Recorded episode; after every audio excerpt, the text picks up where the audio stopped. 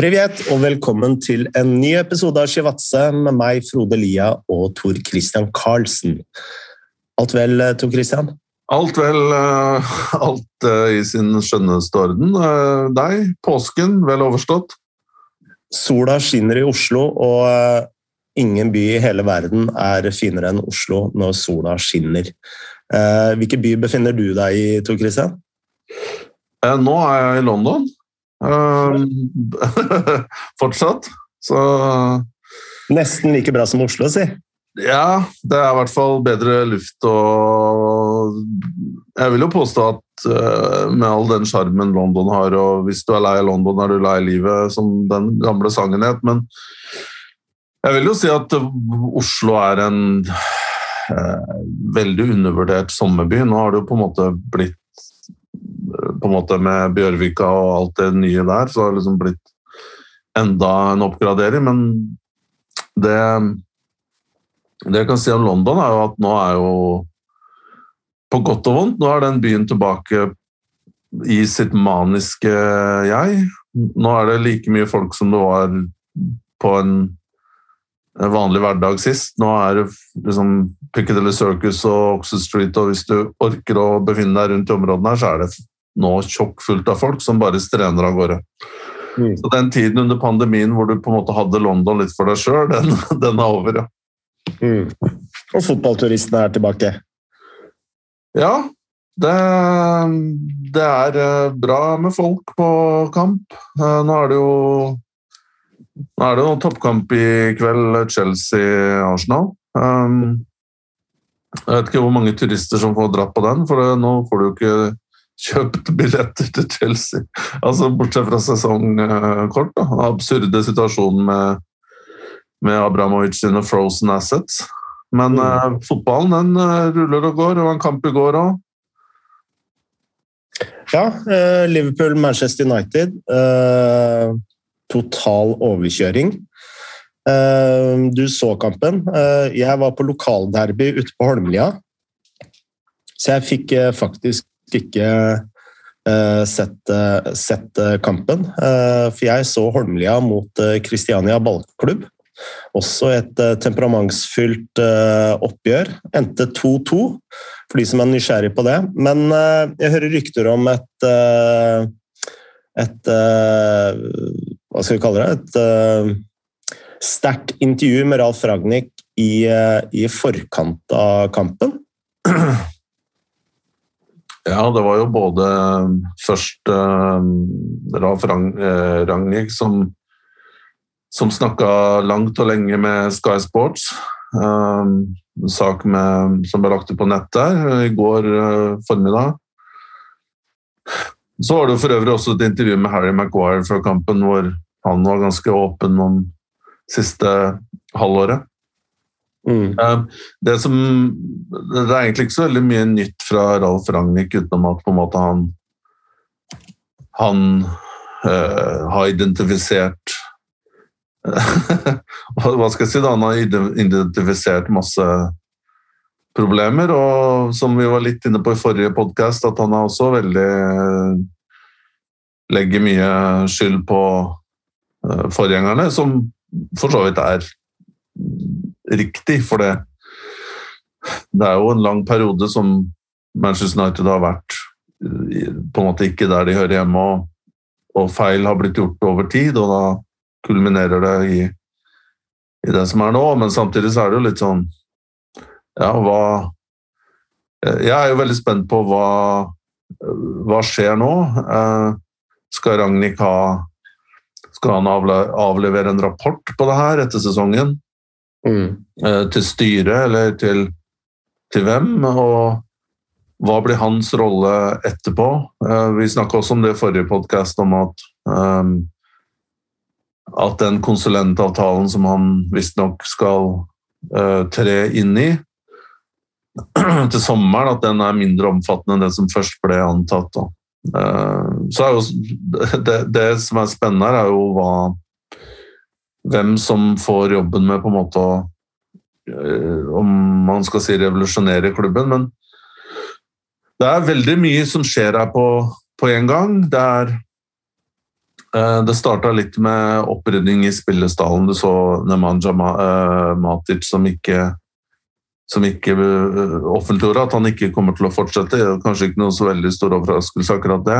Og det er veldig stort fokus på akkurat den ryddejobben som skal gjøres med, med, med stallen. Um, og så er det da Han har vel sagt at uh, det er kun keeperplassen som uh, som ikke er opp for grabs? Ja, men uh, den var var heller ikke noe sånn Nå har jo De Gea vært en vanvittig god keeper for Manchester United i mange år. og har vel vært, Selv i en så dårlig sesong som dette, så har han vært en av de beste. Men han dekka seg jo heller ikke i, i gylne løv i går. Og han kunne vel kanskje vært på det målet til Mané der, muligens. Men, men det er jo ikke poenget. Men um, um, det andre her er jo at um, Det er to ting. Eh, første er at nå virker det som at det, liksom, for å på en måte For å holde trykket litt nede pga. resultatene og, og eh, forventningene som ikke tilfredsstilles her, så virker det som at klubben hele tiden må, må lekke ut ting. Eh, og komme på banen og kommunisere. og gi, sende ut signaler til klubben om at dette her blir bedre. Dere må være tålmodige. Vi skal gjøre om, og vi skal bygge om, og så blir det bra. Eh, det er jo på en måte en siste kort i kortstokken. Altså, du kan, kan, jo ikke sende ut det Fra et rent kommunikasjonsståsted så er det en god strategi. Eh, men det betyr jo at på et eller annet tidspunkt at ting må bli bedre. Det er på en måte du vinner ikke Eller du opprettholder ikke din status ved å være som, stor, som en stor fotballklubb eller suksessrik fotballklubb. Du opprettholder ikke den bare ved å være gode kommunikatorer. Det er poenget mitt. Og nå virker det som at det er på en måte strategien. Da. At de skal være flinke til å eh, komme med informasjon til media og supportere, så, så de roer seg litt. Men det andre er at jeg ser at nå har man jo begynt, som jeg sa, i spillergruppa. Um, begynner å, å, renske der. Uh, og som du sier, det er jo ingen nær off limits, uh, virker det som. Igjen et ganske desperat trekk, uh, vil jeg si. Mm.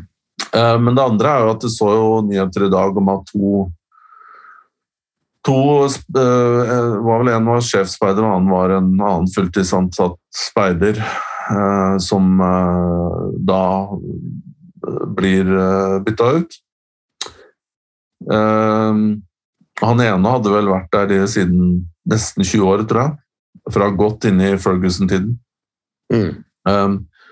og så er mitt spørsmål da om det er, er noe som blir kasta under bussen her fordi rekrutteringa presumptivt ikke har vært god nok, eller eh, Da tror jeg kanskje man peker på feil folk, for det, på en måte speidere har jo ikke den Det er jo ikke de som avgjør eh, De sitter jo kanskje ved bordet, en sjefsspeider er kanskje med på de, de store diskusjonene rundt spillere og kandidater og navn, pro kontra, men det er jo ikke de som tar eller vedkommende som tar beslutningen til, til slutt. Da. Så det virker jo nesten som at her her kaster man ut folk litt for eh, Litt for at man skal få inn nye og kanskje ny metodikk og ny måte å tenke på for nye klubben. da. Så det skjer jo, det skjer jo veldig mye, mye, rundt Manchester United akkurat nå. Mm. Uh, for til syvende og sist så er det vel Joel og Avram Glazer sitt ansvar som styreledere.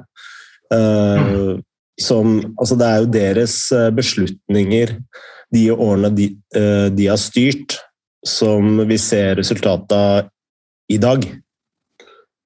Ja, jeg følger det resonnementet der. Når alt kommer til alt, så er det jo eieren og, og styret. Og, og, i det tilfellet så er det jo en privateid klubb som Det er en familie som, som sitter på makten. Eh, og jeg er enig i at ansvaret hviler jo til slutt der. Og, eh, men det har vært veldig interessant å vite hvordan beslutningsprosessen hadde vært. da. Nå får vi sikkert ikke med Ole Gunnar Solskjær på den podkasten her av forskjellige årsaker, men det har vært veldig interessant å vite hvordan beslutningen ble tatt i Manchester United. Hvor, hvor hands on var Glazers, eller var det Ed Woodward som på en måte hadde alle fullmakter, og han tok med seg ting til, til Glazers, eller er, på en måte, er det litt mer uh, Hva skal jeg si um, Litt mer spredt, uh, slik at manager også får muligheten til å snakke med ikke bare være på Hills og ta en kopp kaffe, altså, men at man har møter der, mm. der både CEO og manager eller head coach eller, og andre da, stakeholders være med. Det skulle vært veldig interessant å vite hvordan, hvordan det blir gjort, men jeg vet ikke. Det er um... ja, altså Det er jo en slags eh, pyramide nedover her. da. Altså Alt starter med Glazers eh, avgjørelse å sette Ed Woodward som, eh, som så hands on uh, Uh, hvis vi tar utgangspunkt at Ed Woodward har vært veldig hands on også på sport, helt, til, helt, til, nylig, så, så, er vel kanskje den avgjørelsen der det mest famøse sånn sportslig sett, eller er du uenig i det? Um, nei, altså ja. Eh, Ed Woodward hadde jo ikke noen bakgrunn fra, fra fotball eh, eller fotballmanagement. Han kommer fra Nike, tror jeg, med, med, med, flere av de andre som er i toppledelsen til den klubben. Mm. Um, men, det, men, det, er jo klart uh, Sånn er det jo med absolutt alle ting. at uh, de som er toppledere, de, de skal jo ikke kunne måtte kunne alt. Det er jo umulig. Altså, du, du, kan ikke være god på å ha liksom 360 grader eh, oversikt og kompetanse innenfor alle fagområder. Så du er jo avhengig av dyktige folk rundt deg som du stoler på, som, som kan uh, yrket sitt. Mm. Uh, og jeg, jeg, jeg, har også vært i den situasjonen der selv at uh, hvis du tar på deg litt for mye og, så, og du skal ha på en måte hånda veldig mye, så må du, du må delegere, og så må du, må du være trygg på at de du delegerer til, er kompetente. Og det tror jeg litt Her tror jeg vi må gå litt tilbake sånn på historikken og eh, systemene, hvordan de var i i England. Ragnhild er også litt inne på det her i eh, intervjuene, om at det har vært en uh, si, tradisjon da, i England at man det har vært én person, en, gjerne sånn strongman, som man kaller det i dag, med Trump og Putin og Erdogan og altså Det har vært én stor, nesten jeg vil si diktator, som har styrt klubbene, og da snakker jeg om manager, ikke sant? Mm. Og CEO, eller altså den administrerende direktør har vært bare liksom en sånn eh, Hva skal vi si eh, Sidekick som har styrt med, med, med, papirarbeid og budsjetter og sånne ting. Um, og dette her var jo en eh, kultur som fikk lov å leve helt inntil 2010-tallet, med, med, Ferguson og, uh, og, og, tilsvarende i andre klubber. Um, mens, eh, og, og, det har nok vært Jeg hadde den oppfatningen om fra at Jeg var jo i Tyskland i Bayer Leverkosen ikke sant? fra tidlig på 2000-tallet og så hvordan de jobba der og lærte utrolig mye. Eh, om strukturer og hvordan, altså organisasjon og hvordan de, hvordan de jobba som en enhet. Eh, og, og da jeg samtidig hadde jeg jo et veldig nært øye til, til engelsk fotball. og jeg var hele tiden sånn veldig Desto lenger jeg var i Tyskland og lenger jeg, mer jeg lærte om hvordan Bayer Leverkosen var organisert De er bare et eksempel på på en klubb, en tysk klubb, men som er, kanskje var best practice på området på den tiden, og kanskje er det fortsatt. Desto mer jeg lærte om det, jo mer skeptisk ble jeg til hvordan man styrte i England. Og det tok meg veldig veldig mange år før jeg på en måte Jeg sier ikke nødvendigvis at jeg har alle svar på dette, men dette er i hvert fall min personlige oppfatning om at jeg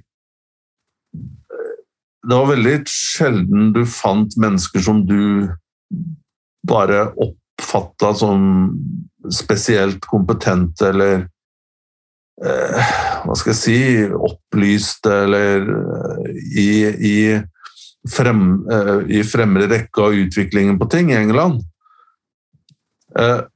Og den type kompetanse her har engelskmennene måttet importere hele tiden.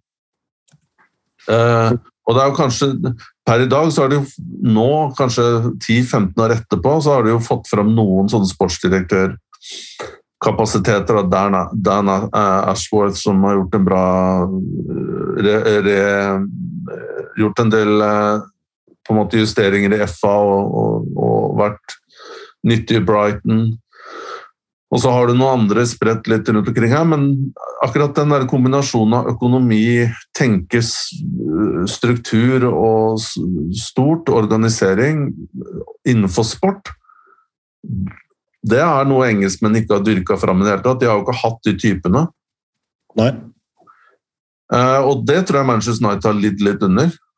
Altså at uh, du har hatt en person der som har vært CEO, som ikke kommer fra fotball, og da ikke har klart å forstå helt uh, Selv om vedkommende har hatt muligheten til å plukke de beste uh, folkene, så, så, har man kanskje bare endt opp med middelmådige ledere. Da. Vel, mm. nå tenker jeg ikke på managerne, men de i bakgrunnen her. Ja, altså du Du nevnte jo selv uh, dette med team uh, som opererer i en enhet, som du opplevde i Bayer Leverkosen, og det er vel akkurat det Manchester United ikke er. Og Jeg husker når Ole Gunnar Solskjær var manager, og det ble stadig lekka saker om uenighet om uh, hvilke spillere man skulle, skulle kjøpe eller ikke kjøpe. Eh, og bare, bare, det at eh, det kom ut i pressen, eh, forteller deg jo ganske mye at dette er ikke et team som går i samme retning. Så de har jo også vært utrolig dårlige på å hente inn spesialkompetanse innenfor en rekke områder. Da. Og det som også slår meg når du forteller om dette at Tyskland var så mye lenger fremme enn enn England. Og så kan man jo legge til eh, Italia, Spania, Portugal òg, eh, for den saks skyld, og, og, og, sikkert eh, flere land også. Og hvis vi ser Premier League i dag, da, og på de klubbene som er best practice, da, Liverpool, Manchester City, for å ta de to eh, eksemplene som er høyest på tabellen, så er det jo slående at dette er team som er satt sammen av eh, kompetanse og mennesker stort sett utenfor England. Mens Manchester United er jo har jo fortsatt et britisk team som på veldig mange måter virker som Eh, henger igjen i et eh, helt annet uh, tiår. Og ja, Ole Gunnar Solskjær er norsk, men jeg ser iallfall på Ole Gunnar Solskjær som en ganske unorsk trener. Da. At hans fotball-DNA er jo noe han har plukka opp i Manchester United. Så ja. vi han også i den britiske boksen. og jeg sier jo ikke at uh, briter ikke kan fotball, eller noe sånt, men eh, det virker som de fortsatt ikke har skjønt dette her med å skape team. Og vi skal jo snakke mer om Bodø-Glimt uh, senere. Og når du snakker med mennesker uh, i og rundt Bodø-Glimt, så er, er, det jo akkurat dette med å bygge team som er suksessfaktoren. Og og jeg som uh, surrer rundt i lavere divisjoner i, i norsk fotball uh, jeg, jeg, kan jo også se det at det er noe som er gjennomgående uh, på alle nivåer. Og i alle bedrifter, for den saks skyld. Altså, akkurat dette med å sette sammen team og, og liksom skape en enhet som drar i samme retning, da, det er liksom suksessfaktor nummer én. Og da kan man ikke uh, putte en uten kompetanse på toppen, da.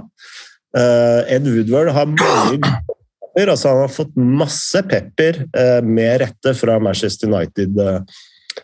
supportere. Men når du ser hva Ed Woodward har gjort med økonomien til Manchester United, så er jo det skikkelig imponerende. Altså Den måten han har kommersialisert i den nå snakker jeg ikke om eh, mine ønsker for fotballen, for jeg er jo en grasrotas eh, mann. Men, men, hvis du ser på Manchester United som en business, så har han jo gjort en, en imponerende jobb med å kommersialisere uh, Manchester United, så det er jo også med i ligninga her. Men jeg tror at Glazer har blitt så blinda at de har en, en mann her som uh, har klart å hanke inn penga, for å bruke et norsk uttrykk. At uh, de har bare sagt La, dette får du styre. Du, du, er, eh, du er fus i alt, og så går det som det går. Ja, det var en god oppsummering, tror jeg. Og um, bare, bare, følge opp et par av tingene der som du var inne på. jeg er helt enig med deg at at eh, den å si, fotball, altså nytenkning Måten å tenke business rundt fotball eh, Nå tenker jeg mer på, sånn, på overganger, eh, spillelogistikk, som det så fint heter. Eh, altså På å organ, organisere det rundt speiding og sånne ting. Nå, nå er jo britene på en måte Eh, kommet eh, litt nærmere der, da. Men jeg føler jo alltid at det europeiske landet har ligget mye mer i, i, i, i, forefront der. Og det tror jeg handler også litt om økonomi. At i Premier League så har det vært så mye penger i 20 år nå, eh, så man har, man har på en måte ikke Man har sett litt bort ifra å investere i i know-how. Og det har vært mye enklere å bare kjøpe spillere da, enn å bygge en solid organisasjon. Nå er det jo noen Jeg tenkte på Liverpool. da, nå, du har jo bare for, Det er sikkert mange lyttere nå som tenker ja, men det er jo Michael Edwards er jo sportsdirektør der. Men eh, det, dette har også vært et tidligere tema, og han føler jeg er en litt sånn outlier, fordi han har jo han har jo mer vokst med Kom gjennom Damien Comolli i Tottenham. Eh, ble med til Liverpool. Eh, og, og, på en måte Det er jo Klopp som litt har trukket ham opp. Eh, selv om de har selvsagt vært en god duo og utfyller hverandre bra. og Michael Edwards helt opplagt er en, er en uh, nytenkende, utrolig spennende uh, type som har gjort en fantastisk jobb for Liverpool. Men jeg føler ikke han Som jeg sier, da, dette er jo Uten Klopp så er jeg usikker på hvor han hadde vært. da. Um, jeg tror nok Klopp har bidratt med veldig mye kompetanse utover bare det å være trener i, i Liverpool. Og kanskje mange har og trukket opp mange gjennom, gjennom uh, sine sin Hva skal jeg si uh, Lært bort mye, da. Sagt på enkelt norsk. Uh, og så siste poeng her. det er jo at jeg er litt usikker på Manchester United. at på en måte den, de Under Ferguson-årene så hadde de en helt fantastisk kultur. Det var det laget som i europeisk fotball som for meg var det mest frykta laget. Eh, mentalt untouchable, eh, bortsett fra det Arsenal-laget tidlig på 2000-tallet som The Invincibles, men som, som, var litt av samme type lag. Da, de bygde lag rundt veldig, veldig sterke personligheter. Fysiske lag. Eh, alltid med, med tempo og, og, og styrke.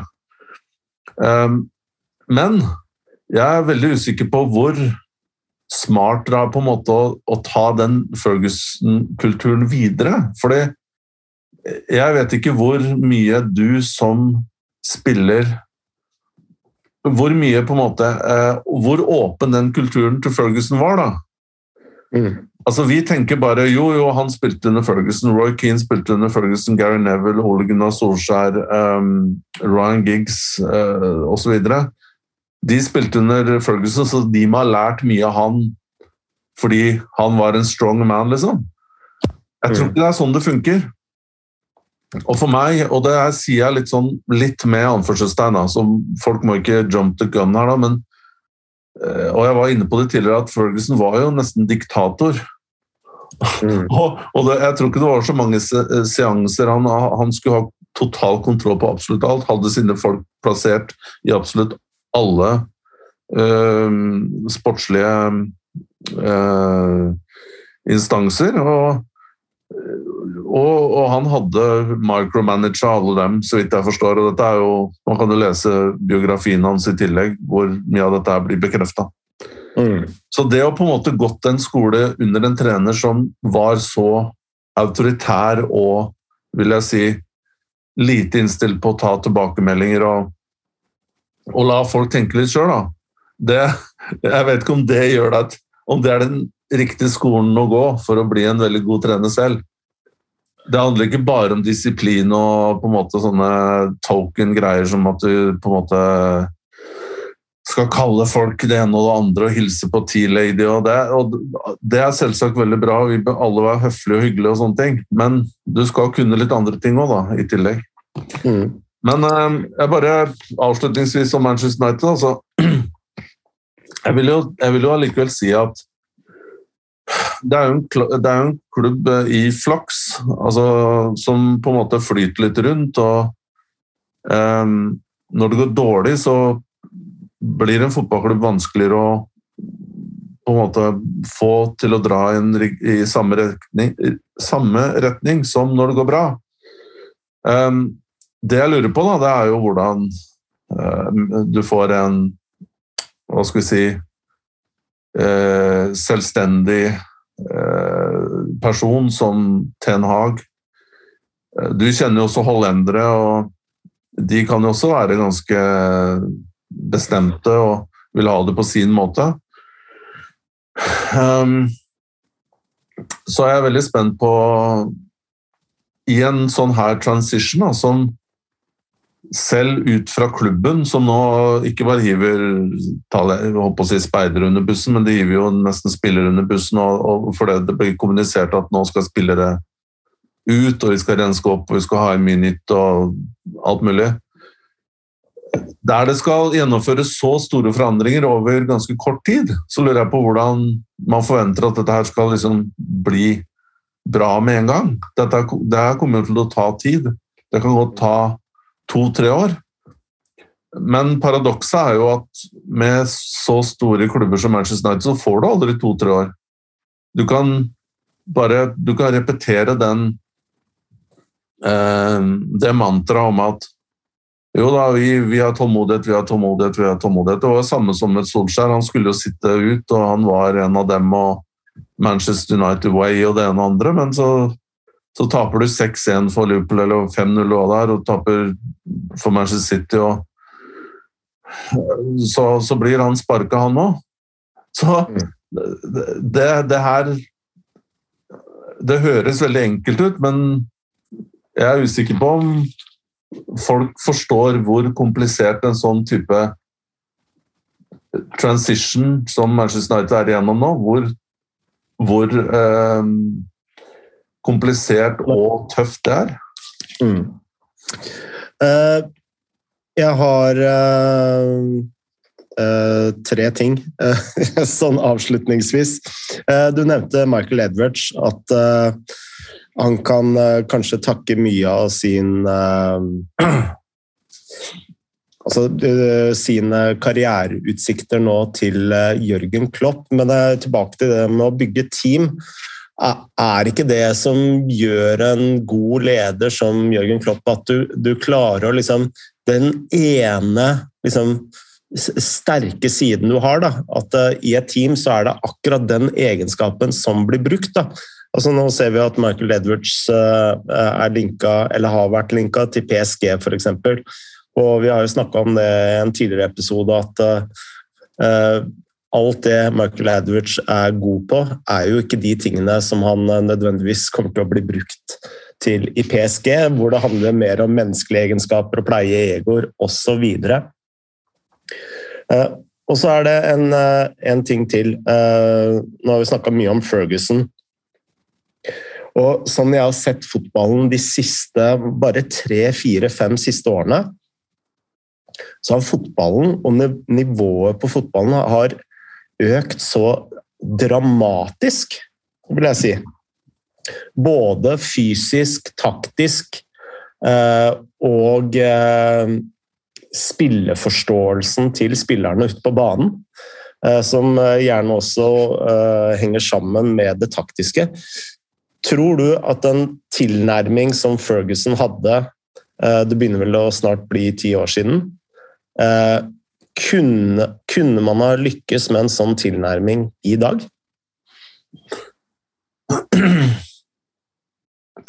Det, jeg, jeg, jeg, tror vel ikke det, og jeg, og, men det, det, det, lyktes jo i den epoken der, og mot de lagene de spilte mot.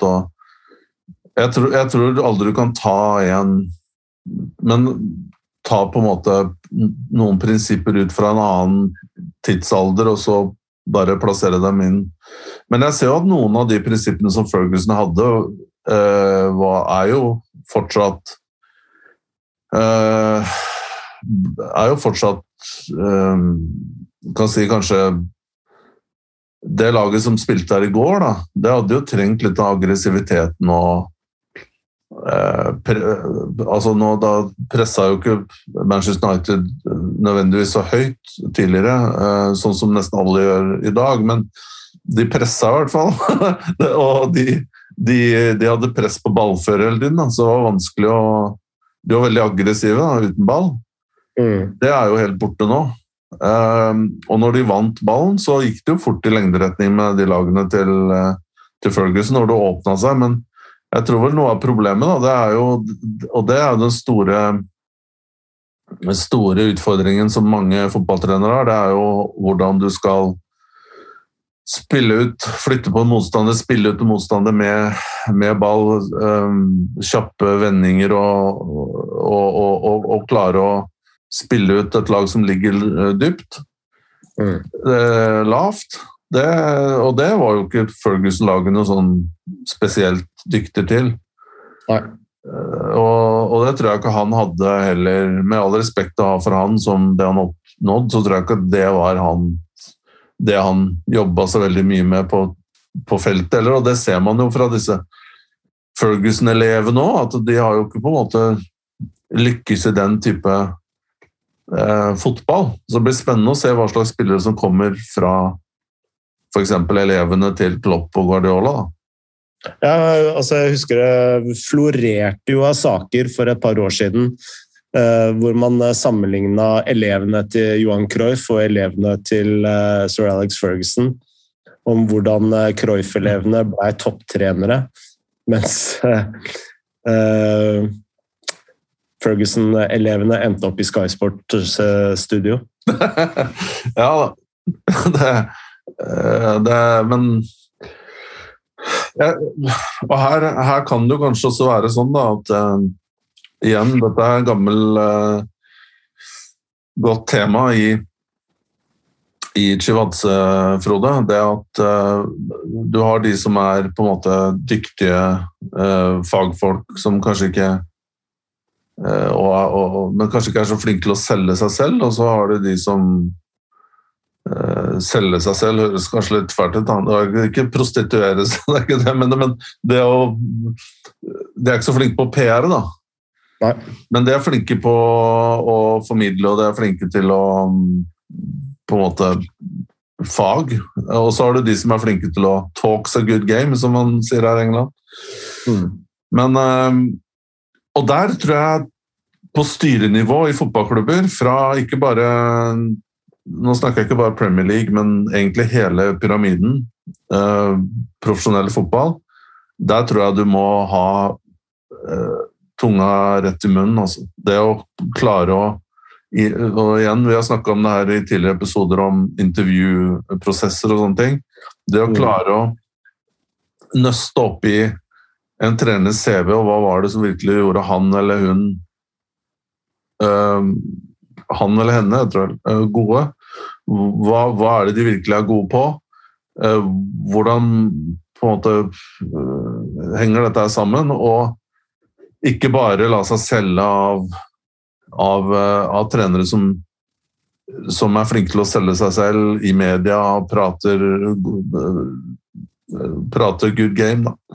Det, det, det, tror jeg nesten er den absolutt viktigste, viktigste filteret du kan ha da, som styremedlem eller administrerende direktør, og klare å, klare å se de tingene her. Uh, vi må gå litt videre. Et uh, annet uh, lag som har gjort det veldig bra i det siste, og et annet lag som har gjort det veldig dårlig i det siste. Da må vi tilbake til vår hjemlige eliteserie, hvor Bodø-Glimt slo Vålerenga 5-1. Sjansestatistikken endte på 29-6, 13-3 i skudd på mål. Eh, og vi har fått et eh, spørsmål fra Freddy Dos Santos. Etter Glimt-tapet sa Fagermo at, at, det var så stor forskjell at det er ingen vits i å analysere kampen. Men er det ikke akkurat det han burde? Studere Glimt? Finne ut hva i all verden er det de driver med? ja, jeg Jeg tenker tenker jo Freddy uh, Freddy tenker nok sitt, ja. Men um, jeg, jeg, jeg, hørte ikke det intervjuet, og jeg så ikke de kommentarene fra, fra Fagermo, men jeg vil nesten tro at det bare var nesten litt sånn fortvilelse etter, etter tapet. Ja, jeg, jeg, tror vel ikke at han jeg har ikke noe tro på at han ikke kommer til å analysere den kampen. Hva sier du? Ikke jeg heller. Det tror jeg ikke. Altså, den kampen kommer garantert til å bli analysert og, og slått opp eh, på storskjerm eller overhead. Det var, det var et annet tiår, ja. Eh, så det er ikke overhead. det uttrykket har jeg ikke hørt på mange, mange år, Frode. Og jeg er like boomer som deg, altså. Nei, mine barn vet ikke hva overhead er. Helt utrolig. Eh, men jeg er jo ganske sikker på at den eh, kampen eh, kommer til å analyseres. Men om slutningen av de analysene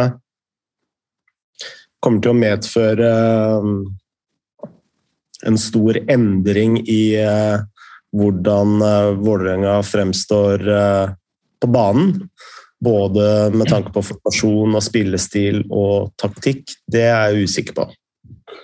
Jeg så jo kampen Jeg så på Mac-en her, så jeg hadde ikke på en måte verdens Jeg har ikke verdens beste forutsetninger til å uttale meg med så masse autoritet om akkurat den kampen, men i andre omgang her så var det jo helt eh, Altså det, det, var jo Det kunne jo vært tosifra. Eh, og han Haug i målet til til eh, Vålerenga. Han redda vel omtrent tre like sånne skudd der. En par fra Vetlesen, tror jeg. Så de skulle i lengste, og han klarte å slå dem ut til corner. Ja. Og tre ganske like, like situasjoner. Eh, og så var det et par liksom sånn Hva skal jeg si Andre situasjoner der traff vel også i stanga eller tverrleggeren en gang Bodø-Glimt, men de tallene sier jo alt, da, som du presenterte her. Eh, bare en sånn kjapp observasjon, eller et par ting. Det, det, første er litt sånn eh, Game management fra norske lag noen ganger syns jeg er veldig svak. At når du ser ok, det blir 2-0 til pause der, at laget ikke går ut og At Bodø-Glimt allikevel får så mye rom, da. Jeg forstår at Vålerenga kan på en måte ikke bare tette igjen og nå skal vi nå, nå skal vi reise hjem med 2-0. Vålerenga er et topplag og I hvert fall på papiret. og uh, burde, burde må på, en måte innstille seg på å fortsette å være det. Men du kan ikke bare la indreløperne, altså Vetle, som bare løp gjennom gang på gang, som, som uh, olje i et eller annet. Hva, hva var det uttrykket igjen? Sild i olje, eller?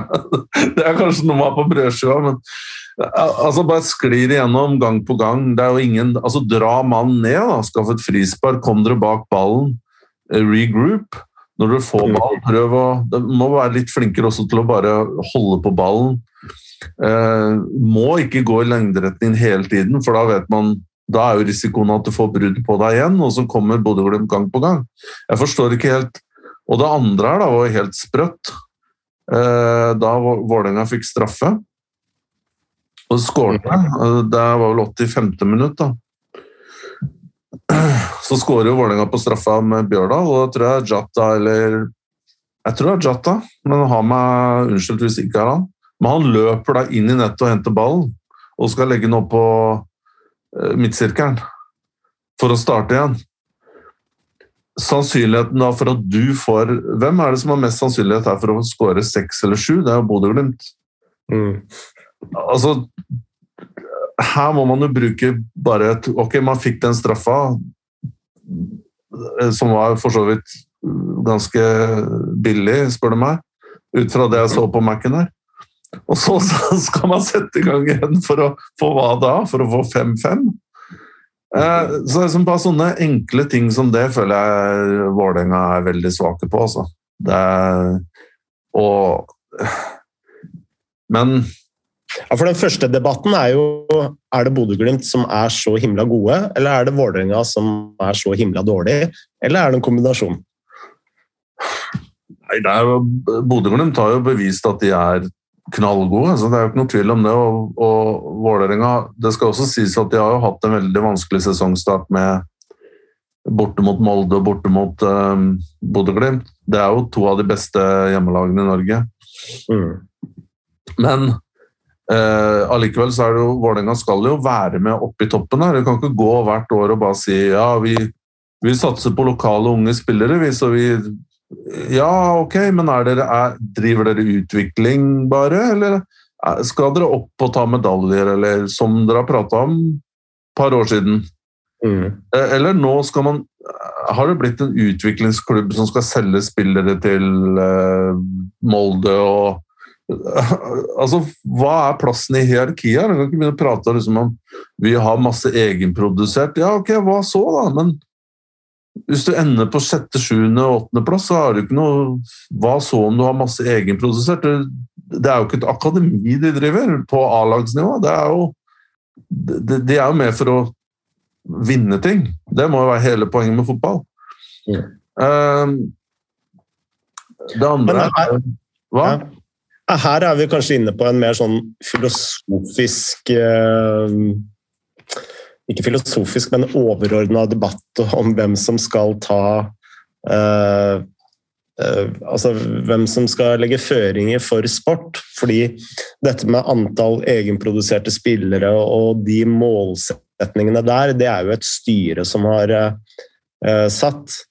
Og det er jo ikke nødvendigvis altså sportslig, administrativt ledere som har satt de føringene.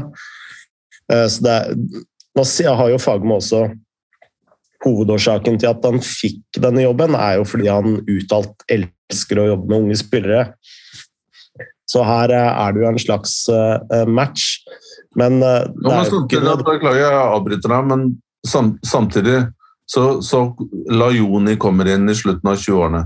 Kjartansson er, blir 32 år. Oldrup Jensen er slutten av 20-årene. Eh, man har Hedenstad kommer snart 30 eller er 30. Venstrebekken Sota er i slutten av 20-årene. Um, altså Men Vålerenga har jo kjøpt og solgt på en måte sånn som alle andre vanlige norske klubber gjør. Det er, og det er jo ikke sånn at Vålerenga har som liksom Stabæk, som har solgt spillere for 30 millioner i, i, nesten hvert vindu. Ok, Dønnum gikk og kom tilbake nå på lån. og Claesson, det var jo for så vidt en bonus. Men poenget mitt da, det er at Vålerenga driver ikke på noen annen måte enn det andre norske klubber gjør. Og Derfor kan du ikke komme og på en måte si at Slå på stortromma over at vi, vi, vi, vi utvikler egne spillere, vi. Ok, men Samtidig må det gå an å forvente da bedre enn en sjuende, sjette, femteplass. Altså, når du da samtidig også har muligheten til å hente Kjartansson, Lajoni og Dønnum tilbake på, fra lån. Mm. Så den Det er bare den retorikken der som jeg syns er ganske håpløs. Altså. altså. Det er et spenn mellom eh, liv og lære her. Ja, men i Norge så er det ikke og Poenget mitt er at Norge at det er minimal forskjell mellom øh, de forskjellige klubbene og hvordan man, øh, man, jobber på. Nesten alle har de samme forutsetningene, de samme plussene og minusene, fordelene og ulempene. Og alle prøver, hvis det kommer gode spillere opp, øh, gode, gode årganger opp fra unnenfra, så er det ingen norske klubber som på en måte holder igjen de spillerne. Nei, vi skal kjøpe isteden. Det er ikke sånn det funker. Du kjøper jo fordi det ikke kommer opp kanskje Eh, gode nok årganger, så må du ut på markedet og hente fra andre steder. Så det at Vålerenga på en måte skal eh, claime den posisjonen som et påskudd for manglende sportslig suksess, det er det jeg ikke kjøper. For andre de er i like vanskelig og utfordrende situasjon, eller klarer de, de, klarer å sjonglere dette her da, på en annen måte. Mm. Nei, eh, det er et godt poeng. Eh, keisernes eh, nye klær er vel et uttrykk.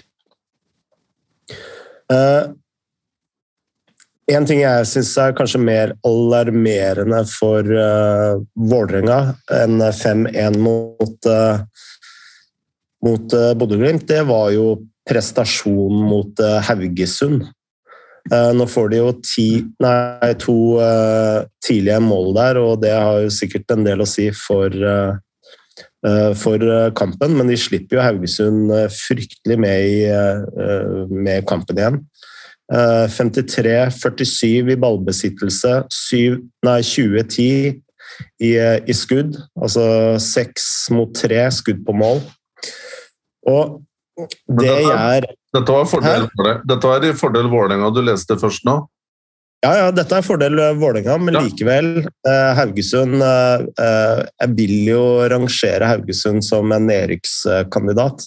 Ja, de har null poeng etter tre kamper, så da er jo det Jeg tror det er en trykk ja, og dette har vi jo snakka om i tidligere episoder, at uh, vi tror Haugesund kommer til å rykke ned. og Eh, nå har jeg sett alle kampene til Vålerenga i år, og det som slår meg, det er at eh, Og dette samstemmer jo også med Fagmo har sagt i media, at eh, vi har en plan A, og funker ikke plan A, så skal vi gjøre plan A enda bedre. Og For meg så virker det som at motstanderne er veldig flinke til å ta ut Vålerengas spill. Altså Blant annet så kan du se at med en gang Altså, de er jo glade i å putte indreløperne sine høyt og bredt. Og det virker som altså, Med en gang de kommer opp i det området der, så er de tatt ut. Og så ender man opp at uh, liksom, nærmest hele angrepsspillet det er uh, liksom uh, enten Lajoni eller Osame eller Dønnum på kanten som gjør noe én mot én. Det, det, er liksom angrepsspillet da til, til Vålerenga veldig lett å ta ut, og særlig når du har uh, i hvert fall to av de jeg nevnte, som virker å være fullstendig ute av form. Uh, så har du lite å by på fremover, altså. Og det syns jeg er alarmerende for Vålerenga. Ja, jeg forventer jo at um, til å demme opp litt for det du sier der, så forventer jeg at Dønnum etter hvert kommer til å bli mer utslagsgivende. Um, men bortsett fra han, så er det jo ikke spillere der som kan gjøre ting på egen hånd. og Det har vi jo igjen snakka om Kjartansson da han signerte igjen, at det er en spiller som bare Han må mates. Mm. Og han, han, er god til én ting, og det er å skåre mål. og han har jo ikke, han er, Nå har jeg ikke sett på tall hvor mange touch han har i løpet av en kamp, men Det kan ikke være noe spesielt mer enn 14-12-14. Det er jo utrolig lavt. Kanskje jeg bommer her, altså, men han Til å være en spiss da, på 1,90-ish, eh, så gir han jo deg lite i, som møtespiss. Og det, og det kan jo også være den Bodø-Glimt-kampen der. Det er en, det er en bortekamp hvor det er nyttig å ha en møtespiss da, som kan som du kan uh, bruke som um, outlet, og som kan holde på ballen og kanskje vinne noe frispark og ta av litt av presset. Da. Men han mm. er jo ikke den spilleren der. Lajoni har vi jo det har vi snakka om før han uh, signerte igjen, at det ga ikke noe mening. Han hadde, han hadde en egentlig bare en halv god sesong, tror jeg, i Bodø-Glimt, hvor han var knallgod, men utrolig begrensa spiller. Så det må jo Vålerenga ta på, en måte på sin kappe, at de, de henta han. Da. Men men det, hvis du bare snur på det, så ser man jo kanskje at det du sier der med, med Vålerenga, hvor forutsigbare dem er, så ser man jo uh, Bodø-Glimt blir jo kanskje feil å sette dem opp mot andre i og med at enlaget vant fortjent 5-1 og det kunne vært mye mer. Mm. Men der ser du kanskje hvordan indreløperne er mer Ja, det er mer fluide og bytter litt posisjoner og, og bytte bytter posisjoner med, med, kantene noen ganger når de har etablert angrepsspill osv. Har Så Og ikke minst, det er oftere rettvendt. Ja. Det er også en slående forskjell at uh, indreløperne til Vålinga er jo stort sett feilvendt, uh, sånn jeg opplever det. Ja. Men uh, vi har fått et spørsmål fra Fredrik Antonsen som,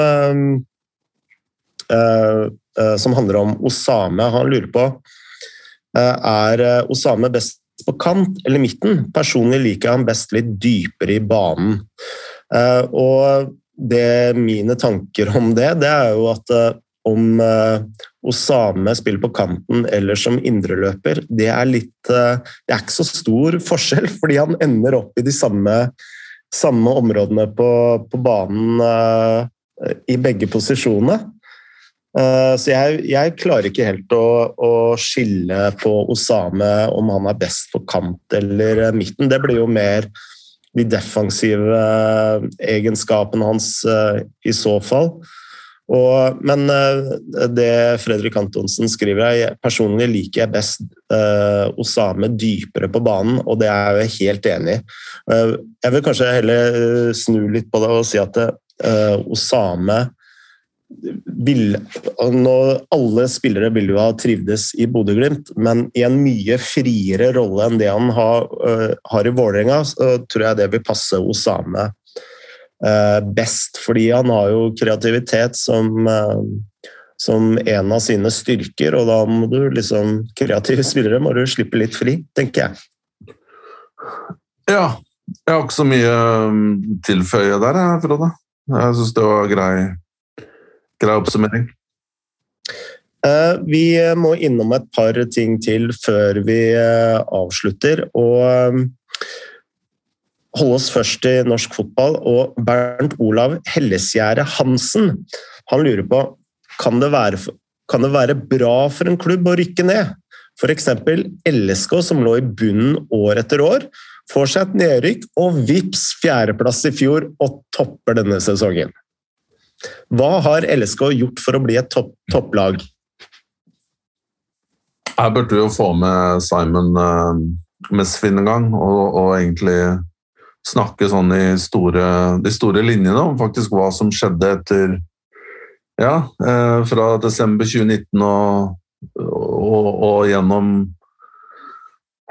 gjennom 2020, hvor det opprykket egentlig var litt sånn det var jo ikke sånn at de, de, vant vel serien, tror jeg, eller ble nummer to, men det var noen sånn moments der på sommeren hvor det tippa litt kunne gått andre veien, men Men uh, Kanskje vi skal spare hele det spørsmålet, og så får vi med Simon uh, i Shivatse neste uke?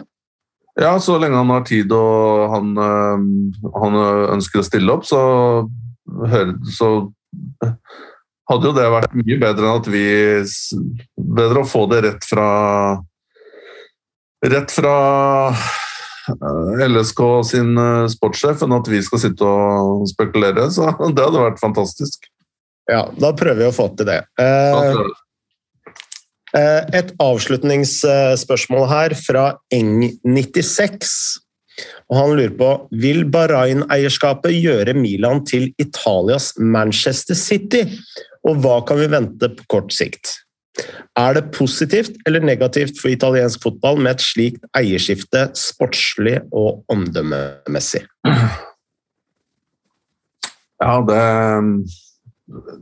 det, det er veldig vanskelig å svare på. Altså, det er jo ikke veldig mye som er kjent om dette um, private equity-fondet, eh, som heter eh, Var det Investcore eller noe sånt? Basert da i Manama i, i, eh, i Bahrain. Jeg, jeg, tror de har noe sånt som 42 milliarder dollar i, i eh, investerte midler, da.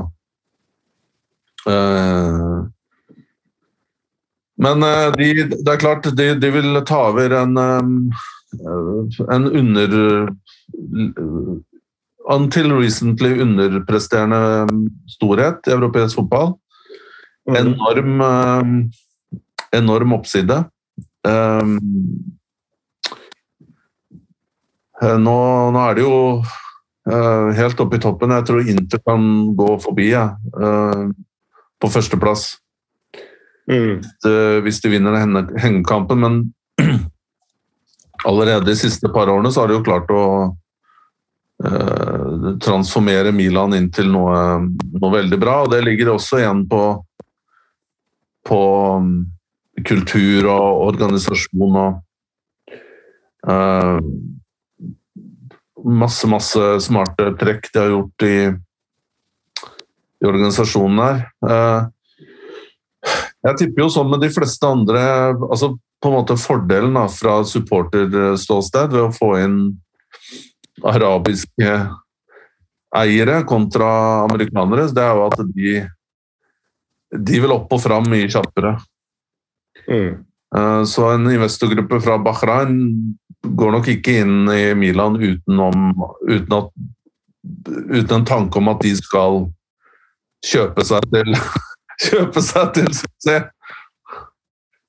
Nei, og uh, når, vi, når, vi, snakker om uh, kun det sportslige, da, så er det jo påfallende hvordan uh, Man kan jo ikke si at amerikanske eiere ikke har brukt penger på fotball, men hvis du ser bort fra Fenway og Liverpool, så har amerikanske eiere bemerkelsesverdig lite suksess. Ja. Absolutt. Du nevnte i en tweet her eh, Barnsley-eierne som eh, står i fare for å rykke ned i eh, fire land, med Esbjerg bl.a. i Danmark.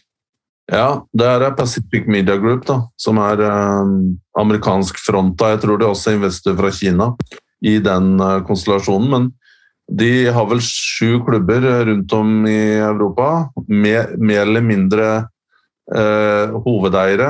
Eh, men i de tre klubbene som jeg nevnte, Nancy, som allerede er nede fra league død, mm. i mer eller mindre nede av de rykkerne. Og Barnsley rykker jo ned fra championship til league one, og Esbjerg kjemper med nebb og klør for å holde andre statusen i, på andre nivå i Danmark. De rykka ned i fjor også, uh, by the way. Uh, og det er jo en ganske stor dansk klubb. Um, så, men, og dette er jo også igjen på en måte en konsept. Dette kan man jo også lese seg opp på for spesielt interesserte, men det er jo en sånn multi-ownership-gruppe hvor de har sentralisert mye av eh, ressursene. Jeg tror det er Ostend eh, i Belgia som har på en måte huben eh, til dette klubbnettverket. og sånne ting som uh, spillekjøp og rekruttering, uh, grep rundt sport uh, gjøres da fra Belgia og analyseres av det teamet der. Det er i hvert fall sånn det fungerte.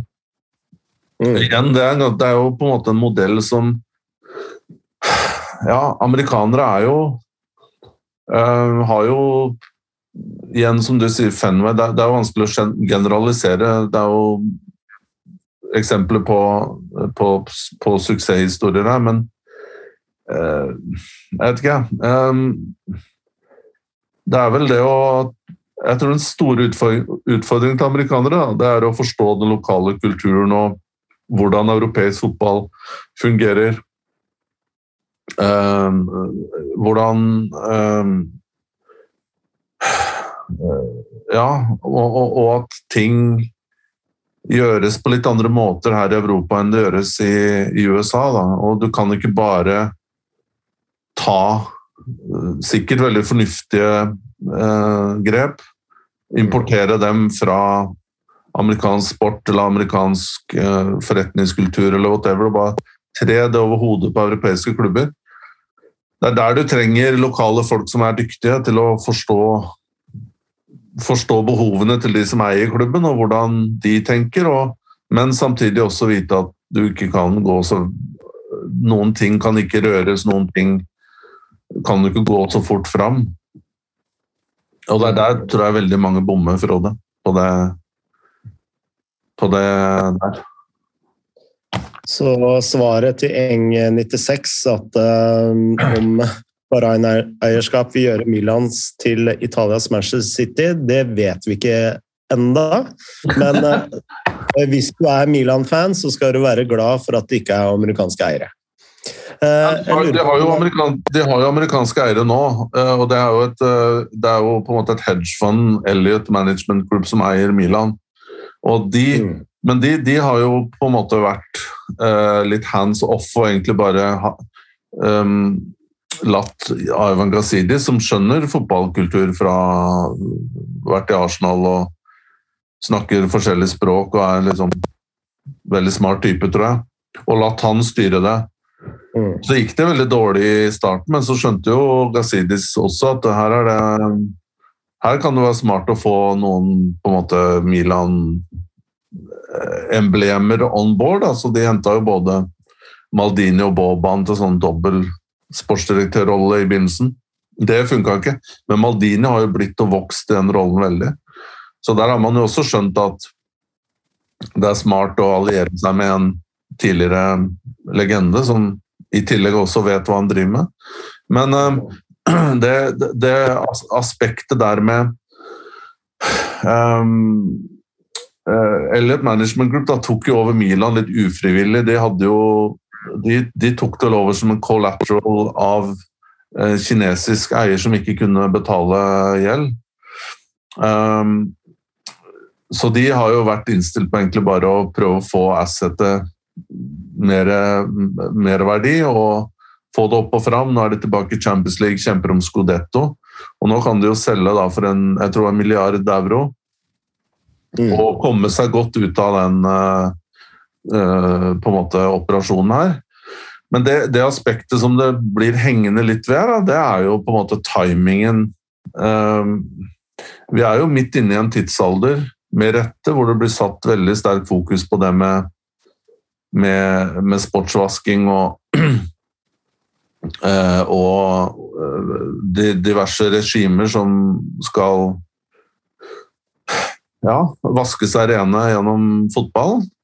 Mm. Uh, nå, nå, vet ikke jeg Nå har ikke jeg gått inn med uh, på en måte pinsett og, og lupe for å undersøke uh, Investcore, eller hva det heter, i Bahrain. Men, og hva slags forbindelse de eventuelt har til konge, de rojale som styrer der. Men det er jo litt sånn det er jo ikke akkurat en vogue, da. Det er jo ikke å bli kjøpt av en klubb fra akkurat den delen av verden, eller hva tenker du? Nei, det er jo ikke det. Jo, nå skal jeg bare sies, sorry, eh, italienerne er vel de som bryr seg minst da, i hele verden om sportsvasking. De bryr seg om de skal ha gode spillere og vinne kamper og vinne ting, de. ja. Der er det vel, eh, i likhet med engelske supportere og ja, eh, Dessverre så er det altfor få som eh, bryr seg om det. Når du nevnte dette med Elliot Sportsmanagement, så putta jeg dem egentlig ikke på konto for amerikanske eiere, i og med at de altså Vi har jo snakket om dem tidligere her på Shivatse, og de vil jo egentlig bare gjøre en altså de gjør det på en veldig uamerikansk måte. Da, fordi de tradisjonelle amerikanske eierne ønsker jo å være veldig hands on. Og uh, Vi snakket om det når uh, Burnley fikk amerikanske eiere som skulle ikke bare skulle de revolusjonere Burnley, men de skulle revolusjonere fotballen med dataanalyse. Uh, og ja, resten kan man lese på tabellen. Men, akkurat, men, ja. men, eh, hvis du har to minutter, så kan vi bare avslutte med Burnley. Det er jo ikke noe mer topical enn akkurat det.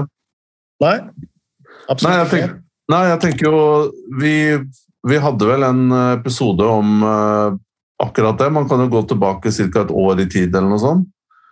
Mm. Da de, denne nye eieren til Burnley kom inn um, Jeg husker ikke helt navnet. Page, tror jeg han heter til etternavn. Alan Pace. Alan Pace, ja. Alan Pace. Um, og som du sier, han skulle revolusjonere ikke bare Burnley FC, men også fotballen gjennom tall av, av uh, bruk av tall. Uh, og bare et sideshow her, da. Jeg, jeg, er veldig nysgjerrig på tall, og jeg bruker den delen del i jobben min også. Og blitt uh, siste par årene altså jeg blitt på en måte mer og mer fascinert av det og bruker det som sagt mer og mer. Um, men Og jeg ser bruken, nytten, og jeg ser også limitations her og der, ikke sant. Mm. Når jeg prater med noen av de amerikanerne Her skal jeg ikke oute noen navn. Eh, men jeg prata med en ganske høyt oppe i systemet hos en av eh, ganske stor eier av en europeisk eh, fotballklubb. Som var på en måte hjernen bak organisasjonen. Og så spurte jeg liksom Vi hadde en ganske lang samtale og kom egentlig ganske godt overens. Bra fyr. Men han omtalte sitt, eh, sin rekrutteringsmodell, eh, som da var tallbasert, på, som secret sauce. og da tenkte jeg meg sånn at det er Ja, ok. Um, og så ser jeg nå etter et år eller to eh, De ligger ikke akkurat oppå butter hodet i, Champions League-taket, den, den, klubben der. Mm. Så det å tro at man har liksom funnet opp en secret sauce eller uh, reinvented the wheel Det er så mange andre dyktige folk der som er på sporet av akkurat det samme som du driver med, at det er jo vanvittig arroganse, vil jeg si. Mm. Um, men um, bare om Burnley. Det vi, det vi, på en måte med en gang eh, vifta med det røde flagget, at her kommer det til å bli en konflikt med, eh, med eh, godeste han eh, Sean Dyche. På godt og vondt, som hadde sitt konsept å drive på, som har funka for han. Hente spillere fra Football League, stort sett, som han uh, setter sin lit til, som har den mentaliteten og Eh, styrker og begrensninger som, som han setter pris på. Uh, og han har bygd på den måten og, og fått uh, holdt Burnley som en slags yo-yo-klubb. Nå har det vel vært i Premier League i tre-fire år sammenhengende og var vel et år også på upper half. Og det er jo for så vidt en bragd. Og mm. nå så man jo da i at man har gått litt vekk fra det konseptet, og det er jo tydeligvis eierne. Man henta jo Cornet, som har gjort det ganske bra uh, i fjor sommer. Veghorst kom inn i, januar, og, uh, og de jeg snakka med som er ganske tett på fotballen i Nord-England, de sier jo at det er Det kommer jo fra eierne og ikke fra Sean Dyche. Så her har man liksom uh, hadde ikke vært mer enn smart eh, smart konsept. Hadde, ikke det bare vært å la Sean Dyche bare få jobbe på den måten han er vant til, gi han enda bedre forutsetninger og ressurser, styrke på en måte teamet rundt den, Mm. og så ta det derfra, på en måte. Mm. Eh, Ikke begynne å fikle med hans filosofi eller gjøremåte. Burnley, Burnley kommer aldri til å bli Liverpool eller Manchester City eller Chelsea. Altså, de er vel De pika vel den gangen de endte på på åttende eller niende plass, eller hva det var. Ja. Bra. Da tror jeg vi er i mål. Takk for nå, Frode. It's been a blast. It's been a uh, very, very good blast. Uh, sier som vi alltid sier her på Sjivatse, privet og das vedanja, og ha en fortsatt god uke. Moderne media.